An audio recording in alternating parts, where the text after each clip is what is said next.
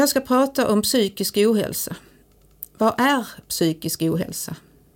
Eller vad fan är psykisk ohälsa? Jag kollade på Wikipedia, men där fanns inte begreppet med. Då kollade jag i Nationalencyklopedin, men där fanns inte heller något svar att hämta. Det låter som om man var psykiskt ohälsosam. Ändå hör vi uttrycket dagligdags i var mans mun, i tv och i radio. Vi läser om det i Vårdguiden och i väntrummen. Vad är då fysisk ohälsa? Används det uttrycket? Knappast, men enligt samma logik inrymmer det allt från brusten hälsena till cancer. Vem hittade på psykisk ohälsa som begrepp? Vågade denne inte uttala diagnoser inom psykiatrin högt? Det är kanske svårt att ta schizofreni och borderline i sin mun men lättare att uttala åderbråck och cancer. Men det vore lika dumt att klumpa ihop åderbråck och cancer under termen fysisk ohälsa. Det är lite lättare att säga utmattningsdepression. Då är det inget fel på dig utan det är yttre omständigheter som utmattar dig. Jag kan inte berätta om utmattningsdepressioner eller schizofreni. Men jag vet mycket om hur det är att ha en bipolär diagnos.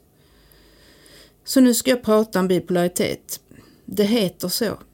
Förr hette det manodepressivitet men nu har någon bestämt att det ska heta bipolaritet. Jag heter Eva Bolin och det här är mitt prat för Teatertribunalen.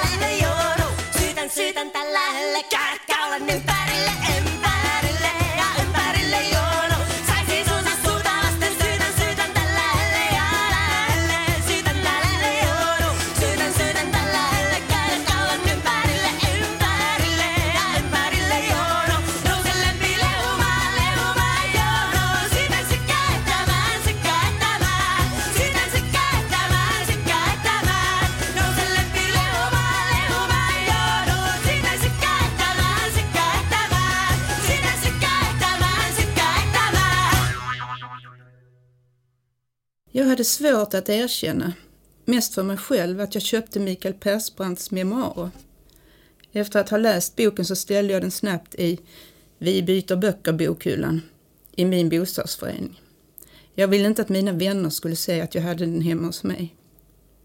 Vadå erkänna? Vem bryr sig? Inte Mikael Persbrandt i alla fall. Och det är inte hans fel att jag köpte boken. Men det som gnager i mig är att ytterligare en testosteronstinn herre lägger beslag på den bipolära berättelsen. För jag tror att det finns en sådan berättelse. De flesta människor har en föreställning eller en idé om manodepressivitet. Enligt mig handlar den berättelsen ofta om geniala och kreativa män. Abraham Lincoln, Winston Churchill, Ernest Hemingway, Kurt Cobain och vår egen Bo Widerberg. Som om bipolaritet är en separatiströrelse för manliga snillen. Och Mikael Persbrandt. I alla offentliga rum basunerades det ut att Mikael Persbrandt är bipolär. Det kändes som om någonting togs ifrån mig när han kom ut som bipolär. Och det gnager. Bipolär diagnos kan av vissa, oftast män, användas som en förklaring, ett alibi. Du kan bete dig klandervärt, men det sopas undan med men du, han är ju bara sån, men han är ju så begåvad. Som man kan du nästan ha med i ditt CV att du har sjukdomen. Som kvinna indikerar det snarare att du är klen i nerverna. Jag tror att bipolär sjukdom är en demokratisk sjukdom. Att den drabbar både i slott och i koja, kvinna som man. Jag träffade inte ett enda manligt geni det året jag låg inne på psyket. Däremot en städerska från Sundbyberg som mådde fasansfullt dåligt. Okej, Mikael Persbrandt. Förlåt. Det var enfaldigt av mig. Det är mediebilden av dig som stör. Den persona löpsedlarna har gjort dig till. Kanske inspirerad av Gunvald Larsson, och han finns ju inte. Men att Mikael Persbrandt kom ut som bipolär passade medielogiken som hand i handske. Idag har feminismen fått in en fot i kriminalgenren och hos de geniala galningarna. Äntligen kvinnor med hjältestatus. Inga hysteriker eller mentalsjuka virrpannor utan självständiga kvinnor väl värda att mäta sig med Gunvald Larsson. Vi har Carrie i Homeland, Saga Norén i Bron och Sara Lund i den utmärkta danska serien Brottet. Dock spelar de roller. Jag känner inte till så många skådespelerskor som bär sin bipolaritet som om de var adlade. Så som till exempel den engelska skådespelaren Stephen Fry. Det har gjorts en dokumentär om honom och om hans bipolaritet. Där åker han runt och träffar sina bipolära skådespelare och konstnärspolare och pratar om all kreativitet diagnosen gett dem. Och förlåt, men jag tror Persbrandt är ganska nöjd med att vara med i det gänget.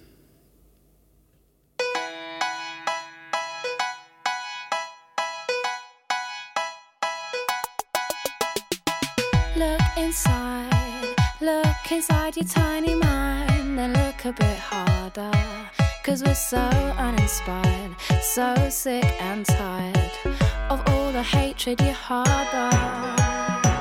So you say it's not okay to be gay, well, I think you're just evil. You're just some racist who can't tie my laces. Your point of view is medieval.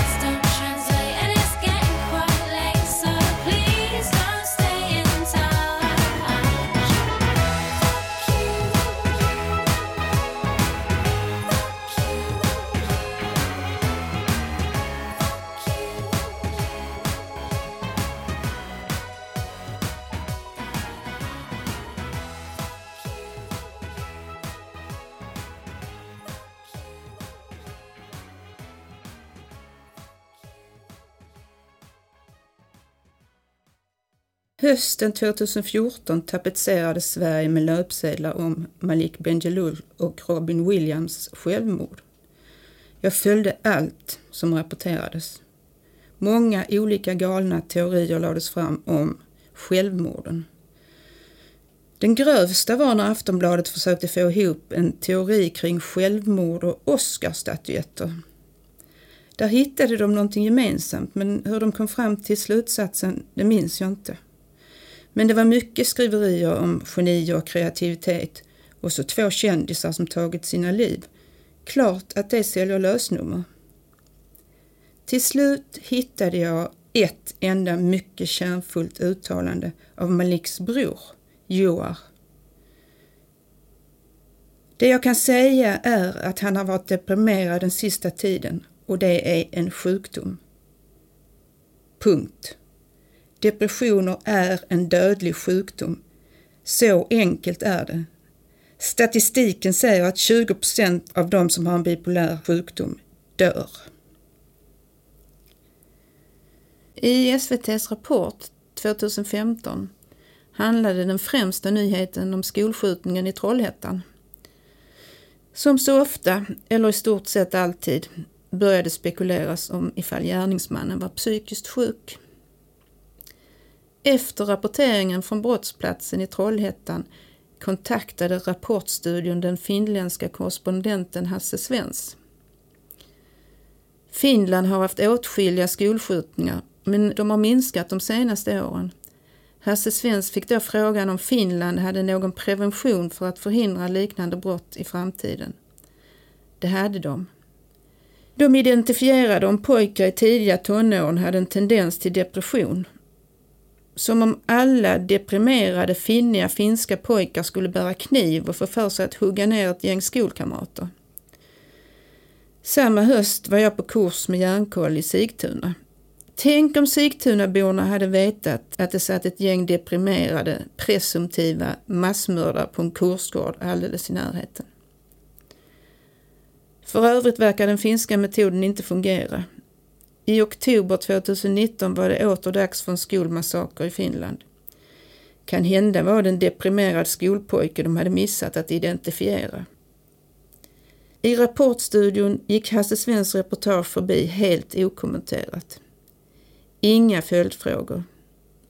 Claes Elfsberg köpte historien rakt av. Så fabricerar man en sanning. Eller en fördom. Förresten, Breivik lider inte av någon psykisk sjukdom. Han är bara en ytterst vidrig människa.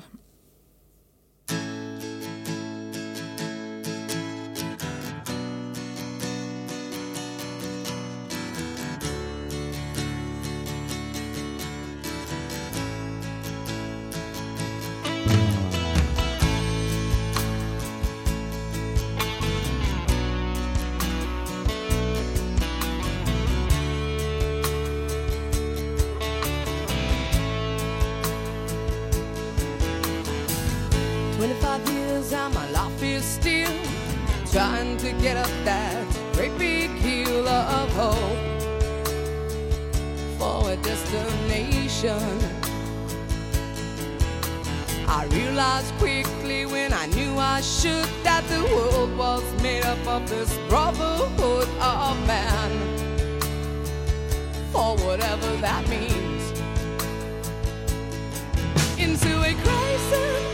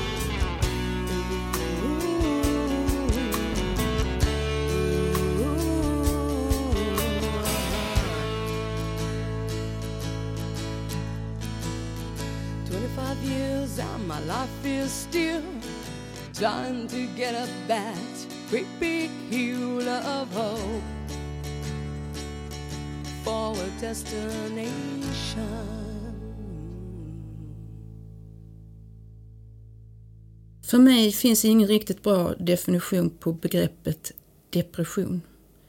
Depression, deppig, deppigt, deppigare, deppa. Finns det någon annan sjukdom som man kan förvandla till adjektivböjningar? Njursten, njurstenigare, njurstenigast. Den bästa definitionen har jag läst i Nationalencyklopedin och den är på latin. Depressio betyder nedtryckande. Depression är ett geografiskt landområde som befinner sig under havsytans nivå. Så känns det. Jag är inte ledsen, jag deppar inte, jag kan inte ens gråta. Jag är nedtryckt under ytan på en nivå som är omänsklig att uthärda. Det är inte enkelt, men jag ska försöka förklara hur det känns. Ungefär så här.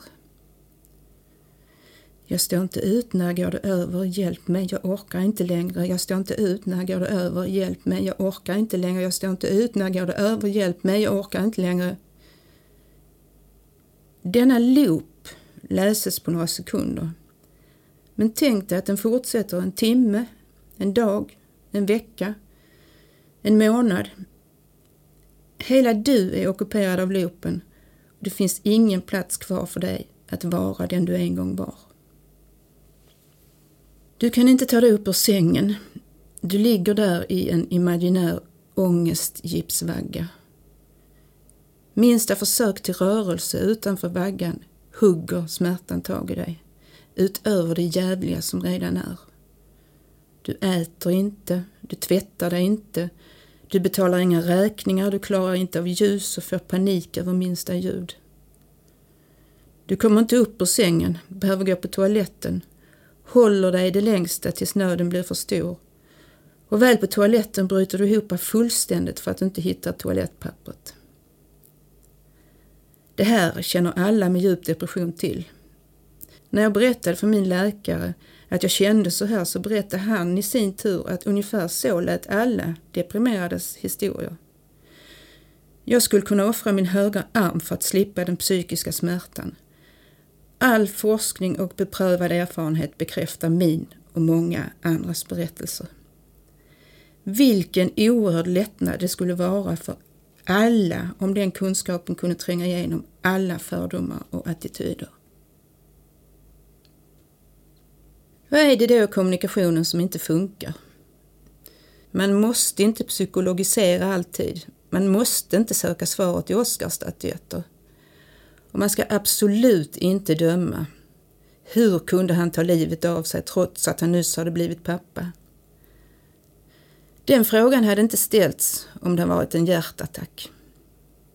Vi förstår ju att vi inte joggar med två brutna ben. Man tar för givet att inte be en rullstolsburen att gå i trappor. Varför kan vi inte tillgodogöra oss denna, i mitt tycke ganska enkla förståelse av psykisk sjukdom?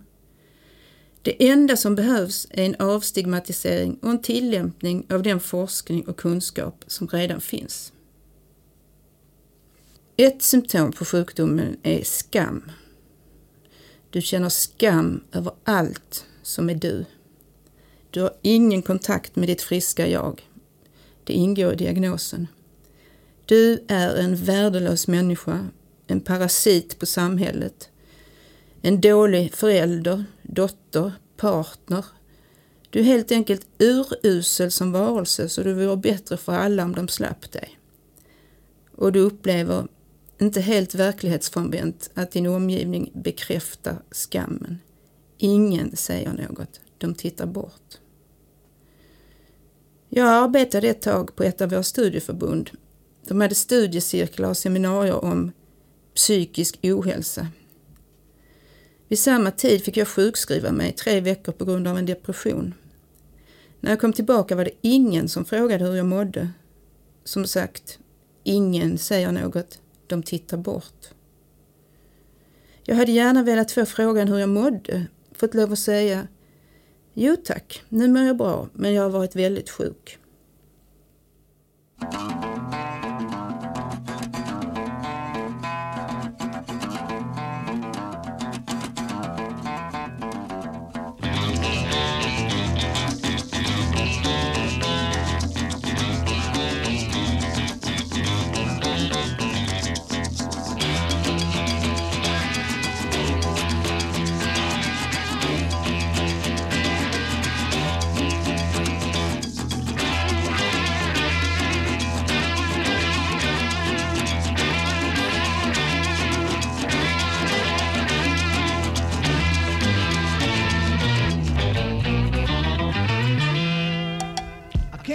About the shape I'm in. I can't sing, I ain't pretty, and my legs are thin. But don't ask me what I think of you. I might not give the answers that you want me to.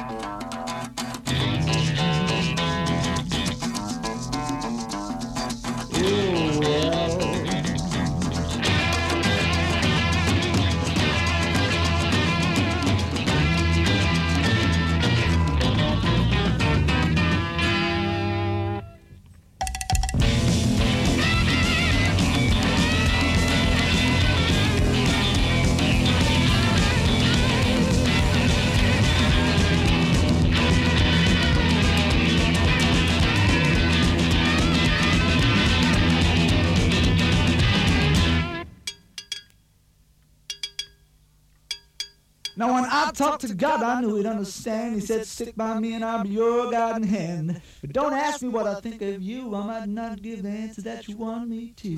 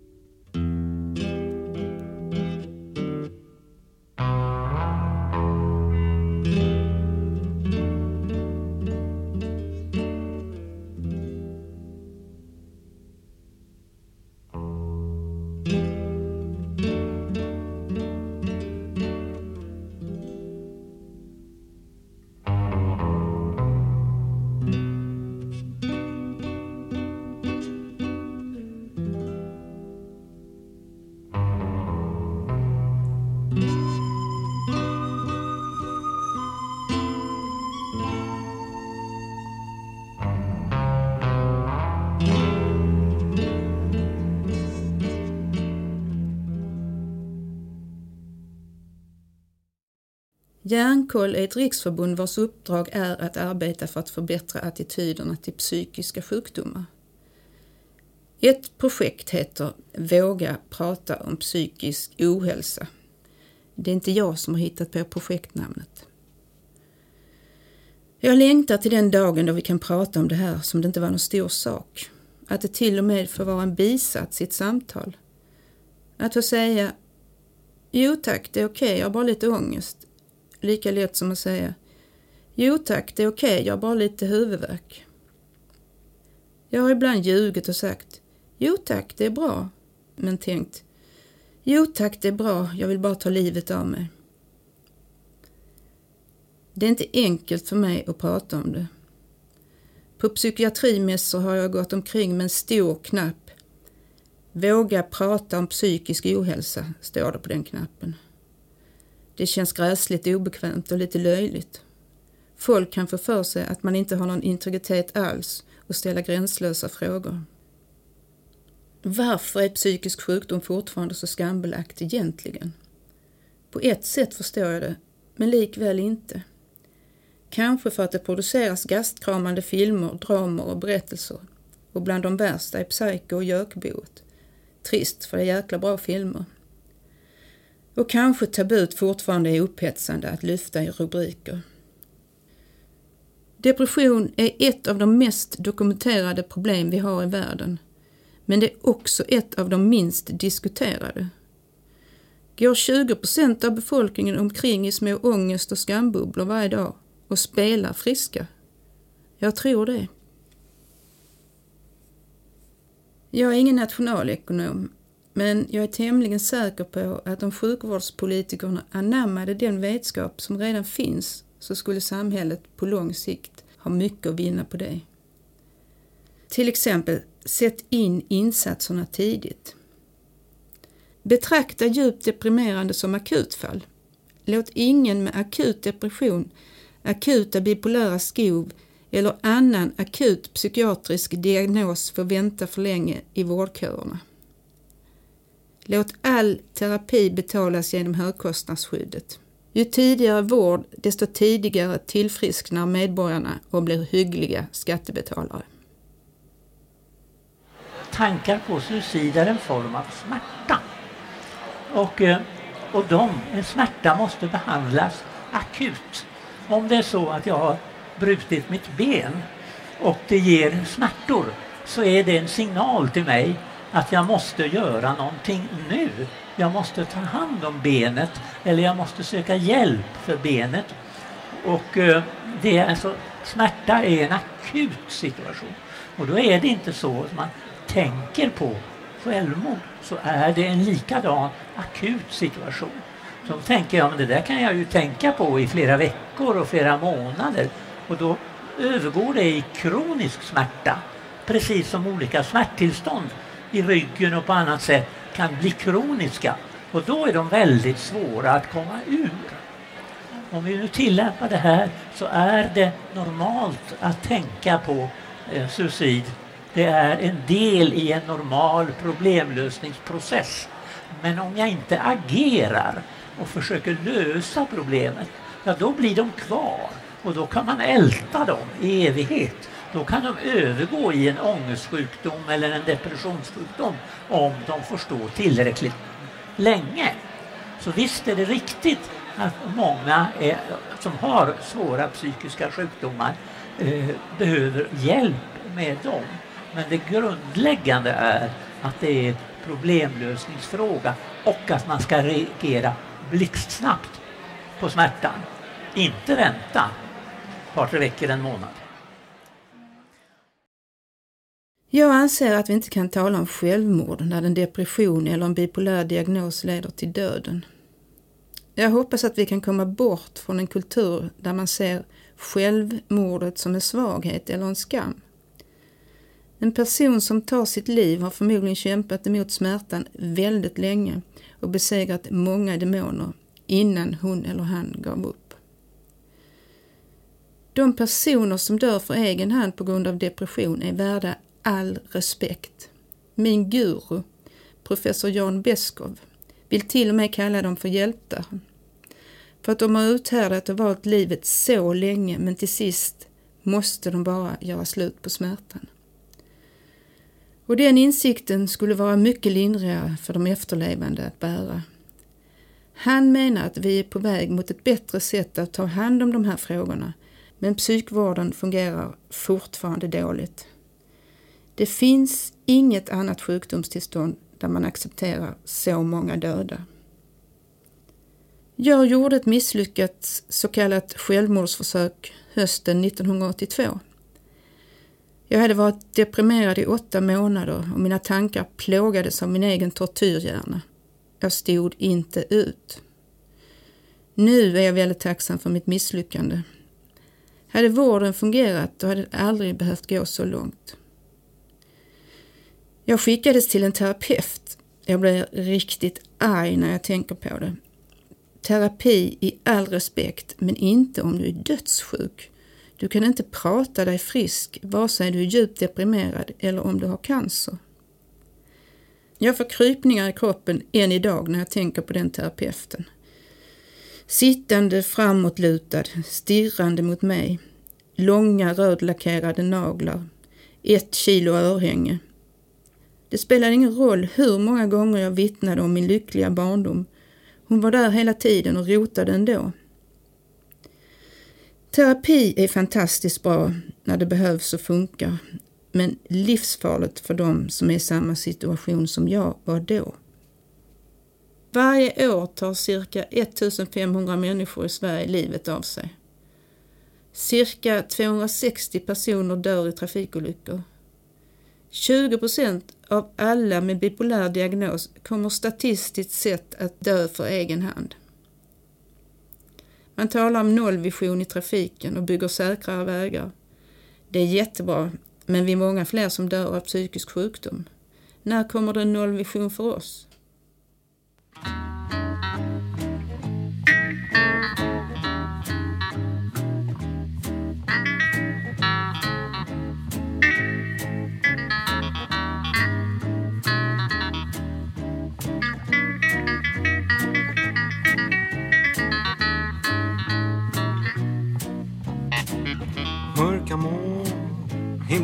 Svämmar över av svart och grått. Mörka moln, men hur kan havet ändå vara så blått?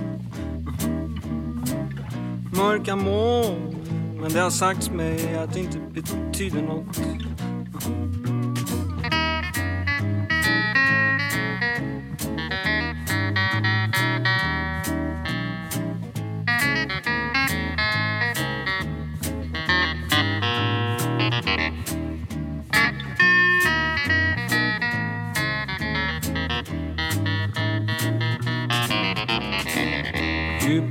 Skuggor fastän solen har gått i mål. Djupa skuggor, men alla vet var de kommer ifrån. Nu behövs det lite ljus så jag stryker min sista sticka mot ett slitet plån.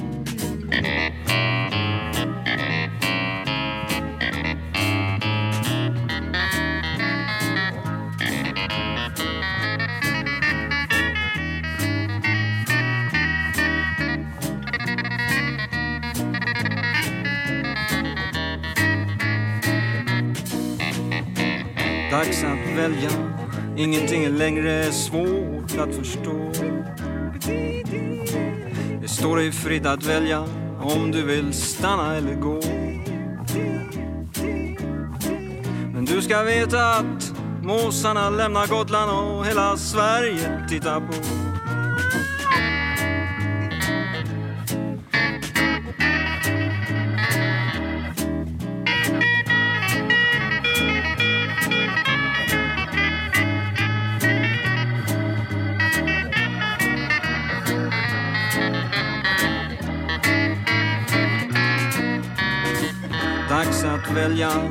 Ingenting är längre svårt att förstå. Det står dig fritt att välja om du vill stanna eller gå. Men faktum kvarstår att hela Gotland pajar under. Måsarna försvinner och hela Sverige tittar på.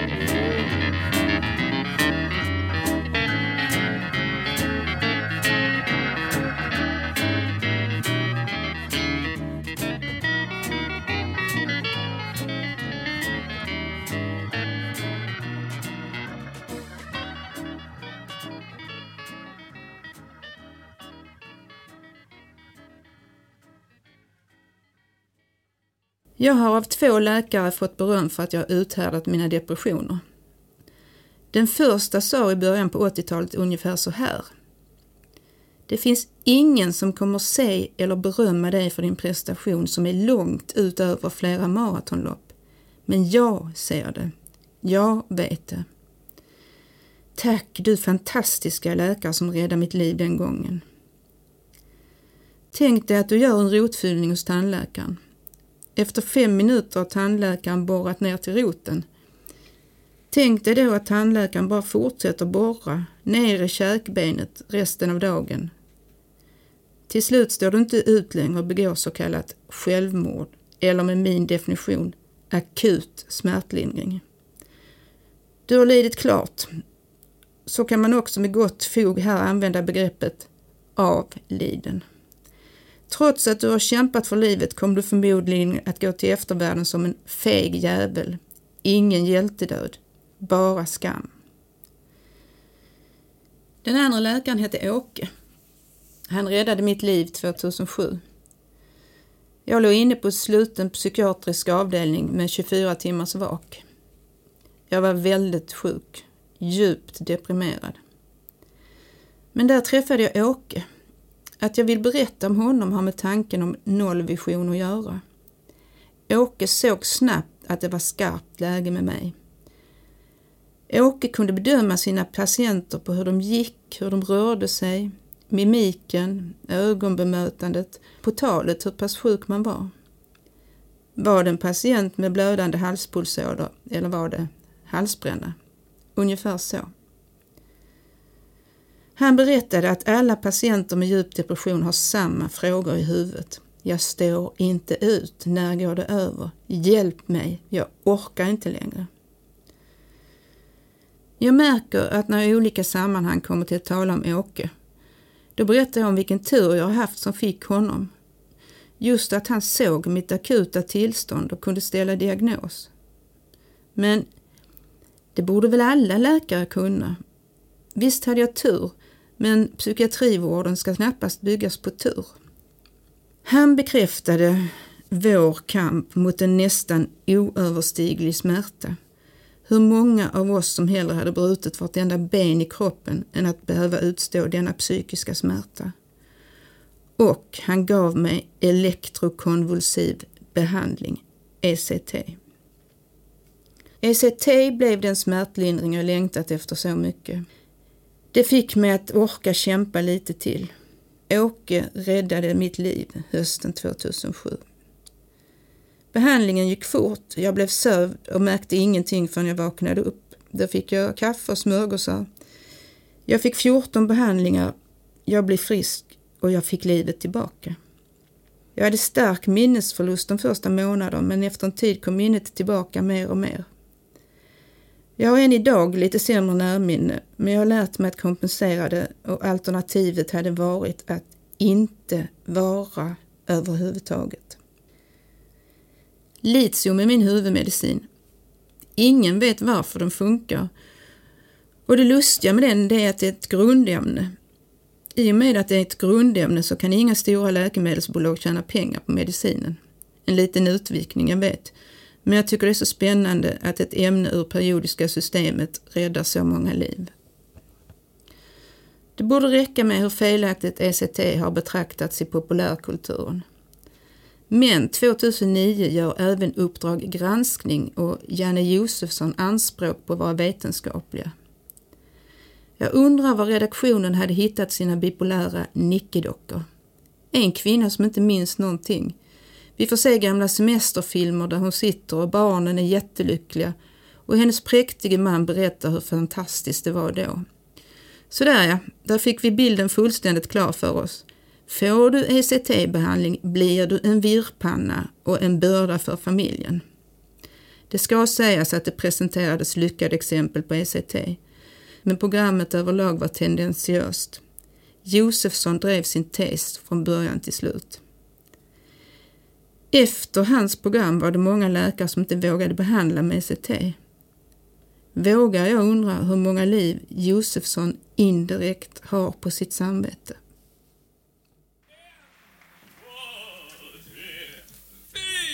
Åh,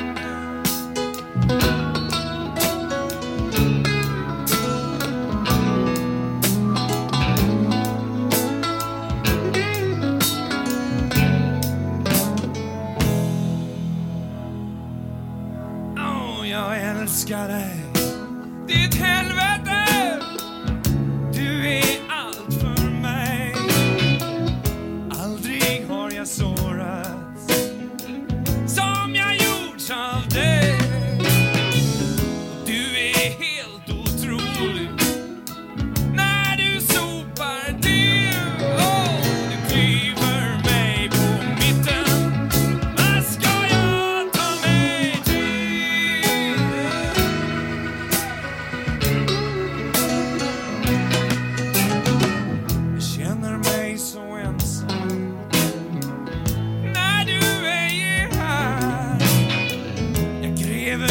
Ditt skitsnack och håller dig så kär. Svartsjuk som ett åskmoln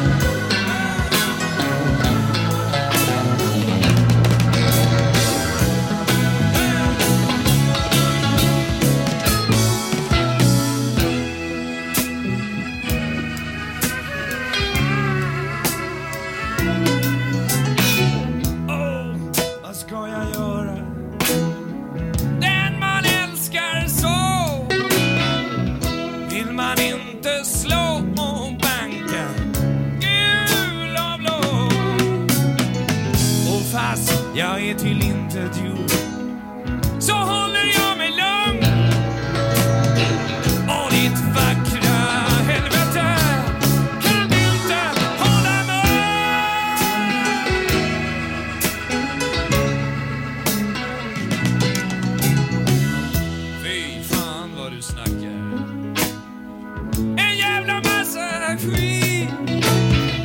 Jag skulle svika dig, ja, jag tackar. Vad blev det av vårt slit?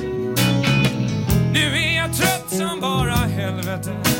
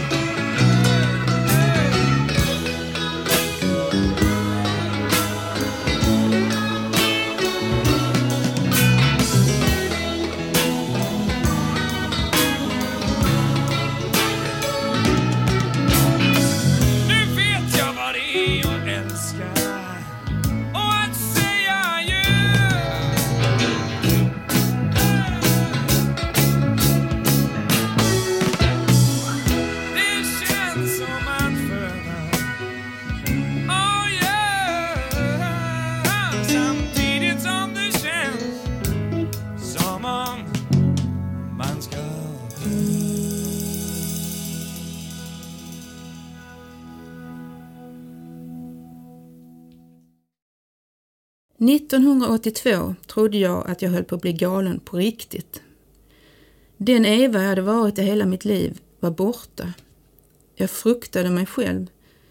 Min ockuperade hjärna hittade på en massa saker som jag skulle vara rädd för. Den pekade ut personer som var livsfarliga. Två klasskamrater fick mig dagligen att få panikångestattacker utan anledning. Jag pluggade i Stockholm. Hela staden var livsfarlig. Tunnelbanan var värst. På nätterna drömde jag om att jag stod uppe i Kaknästornet och kräktes på hela Stockholm. Jag visste inte att det fanns ett namn på det som hände mig, så jag blev mer och mer förvissad om att jag höll på att bli galen. Skammen var så stor. Det kostade mig oerhört mycket energi att skådespela Eva Bolin varje dag. Helgen efter självmordsförsöket var jag hemma hos mina föräldrar i Skåne. Jag hade då bestämt mig för att prata med min far. Det samtalet kom till bli livsavgörande. Jag glömmer det aldrig. Vi gick ut på altanen där vi fick vara i fred. Min far förstod all så kallad galenskap jag berättade för honom och hur min plågade hjärna funkade. Jag trodde att jag skulle skrämma honom men han sa att jag inte var ensam, att det var vanligt och många andra upplevde samma lidande. Min far var en av dem, en av oss. Han gav mig orden jag kunde hänga upp mitt tillstånd på. Panikångest, depression, ångest, skam, skörhet. Därefter körde han mig till Östra sjukhus till Malmö och det var där jag träffade läkaren som jämförde min kamp med ett maratonlopp. Tre månader senare var jag frisk, på nyttfödd. Min far hade alltså varit depressiv utan att ha berättat det för någon, inte ens min mor. Jag minns hur hon hade klagat över att han hade långa perioder när han var trött. I bilen hem från sjukhuset bad min far mig om att inte berätta något för mor. Då, 1982, var det fullständigt självklart för mig att jag inte skulle berätta. Det var vår skam. Idag är det helt ofattbart. Sinnessjuk, sinnesslö, idiot, hysteriker, galning, dåre, vansinnig, mentalsjuk, svagsint, mjältsjuk, nervsjuk, melankoliker. Var tid har egna ord på samma symptom. Idag säger vi funktionsnedsatt, ett vidrigt ord. Jag kan vara hur funktionsuppsatt som helst. Och funktionsnedsatt i jämförelse med vad då? Det är min fråga och mitt bidrag till normkritiken. Hypomani. Första gången jag hade ett skov trodde jag att jag äntligen hade hittat mitt riktiga jag. Jag mådde så bra. Jag pluggade på universitetet, jag hade VG på alla tentor, jag var nyskild, ensamstående mamma och extrajobb utan problem. Jag sov bara tre, fyra timmar per natt, så visst var jag kreativ. Jag var festmotorn på alla fester, pratade med alla, var alltid förtjusande. Eller oftast. Ibland mindre förtjusande. Rent av jobbig. Jättejobbig. Fast det tyckte inte jag. Det har jag bara fått berättat för mig. Konsekvenserna efter ett hypomaniskt skov kan vara att du sårat någon eller att du var ett onödigt plump. Då mår du inte bra. Hypomanin är som en okontrollerbar motor. Jag pratar, sjunger och dansar när jag är hemma. När jag är ute tar jag väldigt stor plats. Pratar med alla, gärna diskuterar, oftast politik. Bråkar, blir lite förbannad och jag avbryter alla. Jag blir irriterad på allt och alla som går långsamt.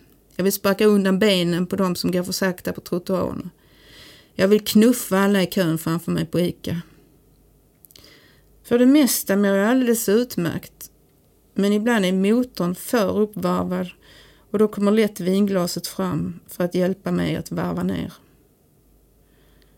Alkohol är tyvärr den bästa medicinen både mot ångest och mot hypomani. Staten skulle vinna på att fånga upp dem med psykiatriska problem innan de blir missbrukare. Det behöver man kanske inte heller vara nationalekonom för att förstå.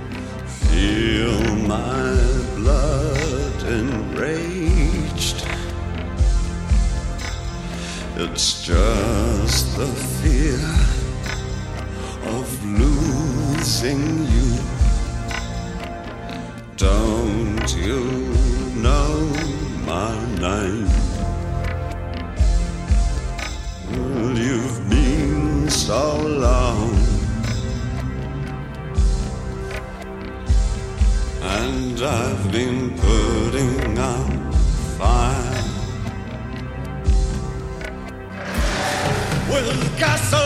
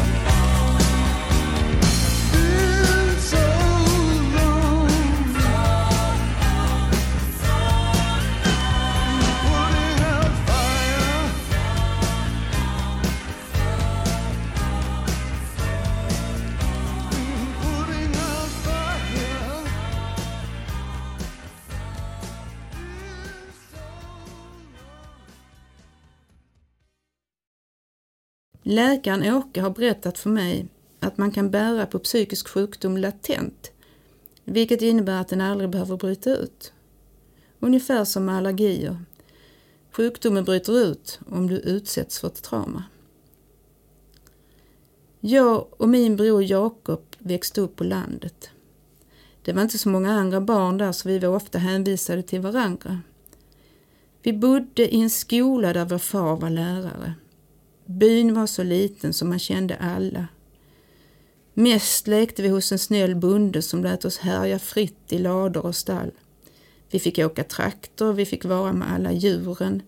Hästar, kor, kalvar, griskultingar. Och hemma i skolan ville många av fars elever, ja, kanske fjäska för sin lärare. Så när de hade rast så lekte de med oss. Jag brukar kalla den tiden den gyllene guldåldern. När jag var sju år så flyttade vi till ett samhälle. Jag började skolan.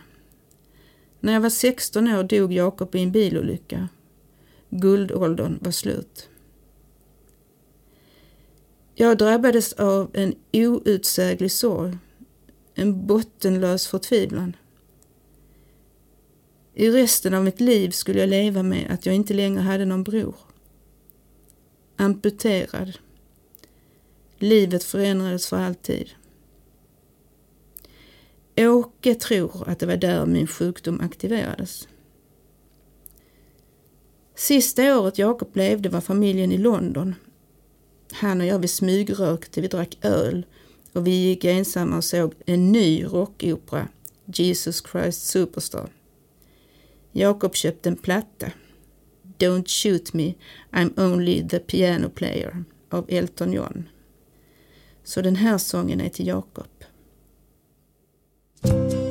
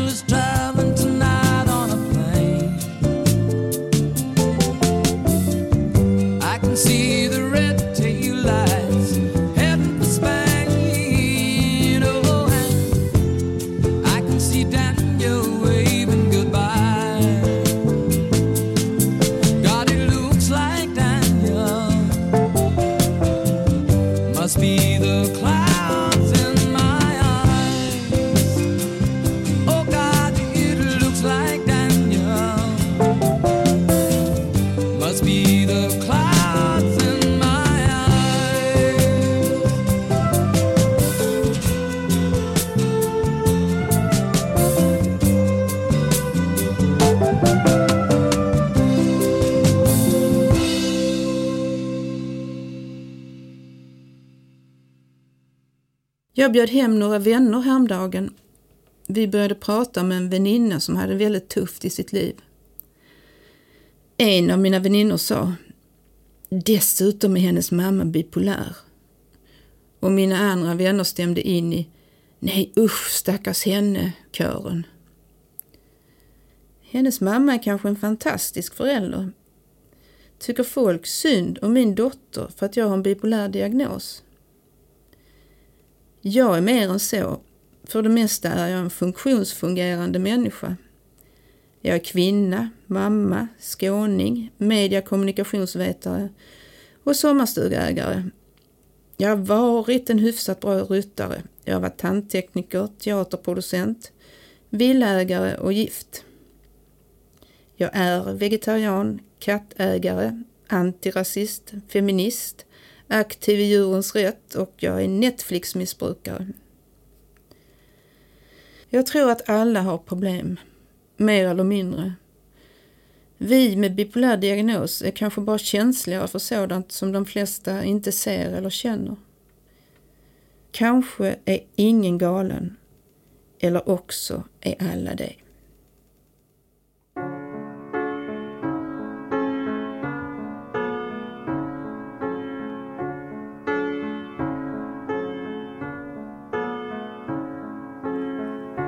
Vi som lever är bara döda på semester. Någon sorts sommargäster Så ta ett glas för moster Lili. Ett halsbloss och ett glas rött.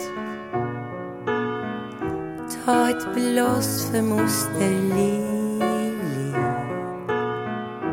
För moster Lili har dött.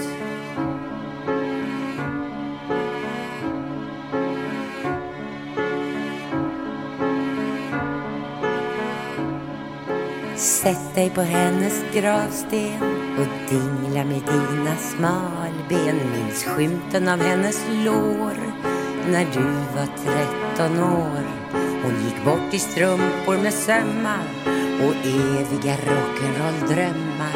Hon hatade regler och tjat och ord som hata och hat. Så ta ett blås för moster Lili. Lucky Strike och ett stort glas rött. Ett halsbloss för moster Lili.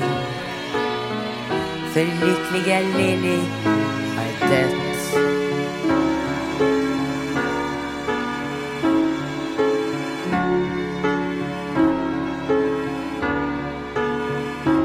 Hon gick bort i vingliga klackar i slippriga uppförsbackar. Hon sa hon var 42.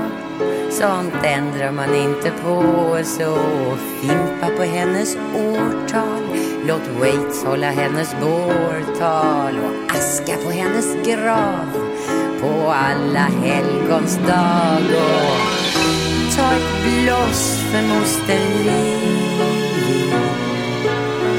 Ett djupt blås, ett fullt glas rött.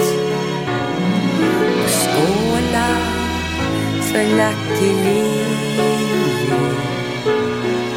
som gått någonstans och dött.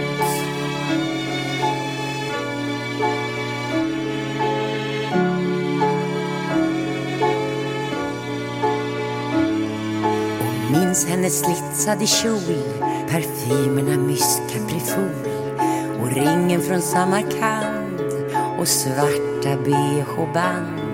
Minns bourbon och billigt vin, minns doften av bränd bensin minns alla bloss hon gav och dansa på hennes grav. Så ta ett bloss för moster Lili. Låt glöden aldrig dö ett svidande halsblås Lucky Strike för att hon måste